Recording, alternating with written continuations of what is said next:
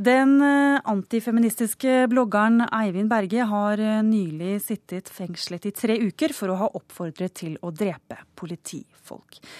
I helgen slo flere medier opp større intervjuer med både Berge og kjæresten hans.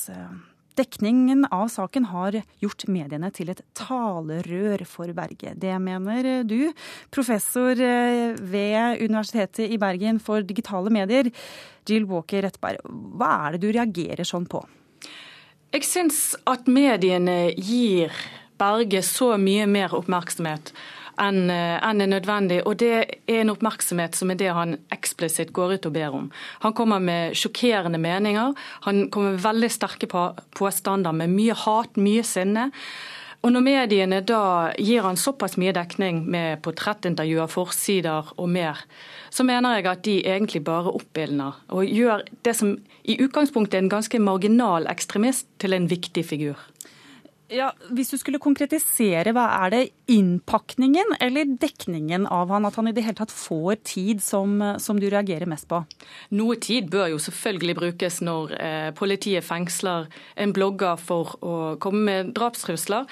Eh, men måten det fremstilles på mener jeg blir feil. F.eks. her på lørdag så var hele forsiden av Bergens Tidende dekket med et nydelig bilde av kjæresten til bloggeren, og det var portrettintervju og masse intime, hyggelige spørsmål.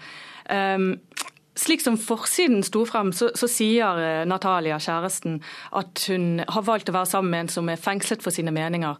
Det blir nesten en forherligelse. Det blir nesten å si at å, han er en politisk fange som vi bør vokte om. Men han var jo ikke siktet for sine meninger, han var siktet for å ha oppfordret til drap av politifolk. Det er noe ganske annet.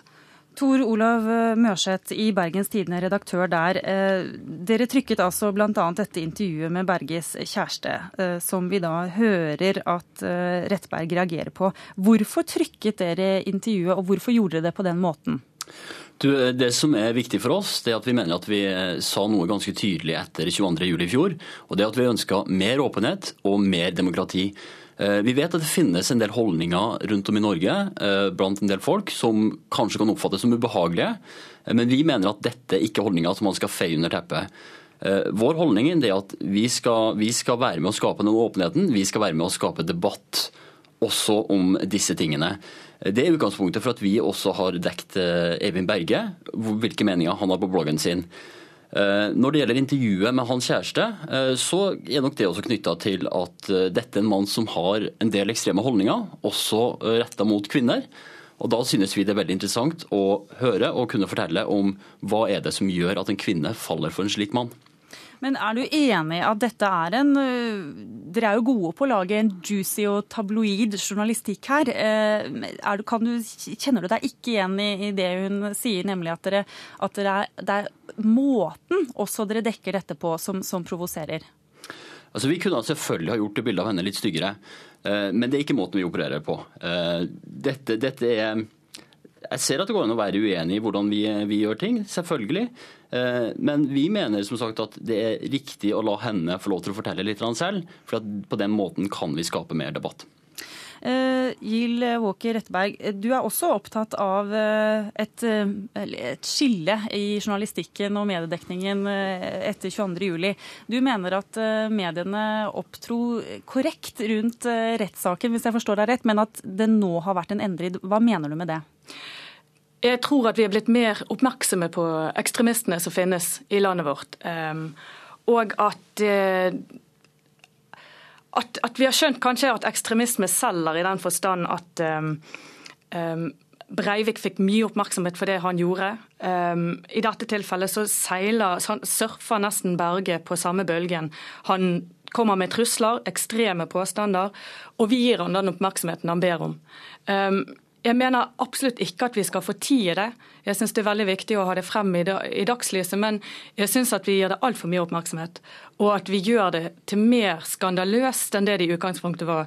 F.eks. når eh, på Facebook så, så, postet BT lenken til denne saken, dette intervjuet med Natalia, kjæresten til Berge, eh, med kommentaren hun, hun ligger med hun, hun la med Breivik fordi at hun syns synd på han. Og da kobler jo du sex og ekstremisme. Det er jo klassisk søppeljournalistikk. Klassisk søppeljournalistikk. Surfer dere på en 22. juli-bølge i tabloidene? Jeg mener at vi ikke gjør det. Eh, og igjen så vil jeg tilbake til, til det vi har sagt om, om, mer demokrati. Eh, vi vet veldig godt hva vi skal gjøre hvis vi ønsker å eh, få mange treff på nett. Denne saken var ikke en av dem. Og det var faktisk heller ikke en sak som ble veldig godt lest på nett hos oss. Men dere har likevel gjort en redaksjonell vri på saken og solgt den inn og, og spisset den?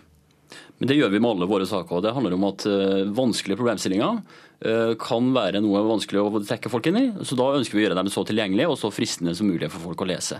Innenfor selvfølgelig visse rammer. Men er du ikke redd for at dere da er med på å normalisere disse eh, ulovlige, kanskje, ytringene og farlige holdningene som mange vil eh, føle at det er, ved å, ved å lage journalistikken på den måten dere har gjort? Vi tror det er veldig viktig at folk får mulighet til å gjøre seg opp sin egen mening. Og Hvis folk skal kunne gjøre seg opp sin egen mening, så må de også eh, få se hva det er som blir eh, sagt. Eh, og Det er det som er vår, vårt motiv for å presentere denne typen historier. Rettberg, er det sånn at du er redd for konsekvensene? Og hvilke konsekvenser er du redd for? Jeg har sett i kommentarer, ikke på BT sin artikkel, eh, men kommentarer på andre artikler at folk skriver og før jeg leste dette, var jeg ikke klar over at andre hadde denne typen meninger. Takk for at dere gjorde meg oppmerksom på bloggen. Og Det er jo en åpenbar fare når vi når de tradisjonelle mediene, som tross alt fortsatt setter dagsorden også i en verden med sosiale medier. Så når avisen setter dagsorden og gir han enda mer oppmerksomhet, så blir det normalisert. Flere vil være oppmerksom på det. Flere kommer til å tenke at dette er normale, greie holdninger. Eh, takk til eh, dere begge fra studio i eh, Bergen. Eivind Berge han ble altså sluppet ut av varetekt før helgen.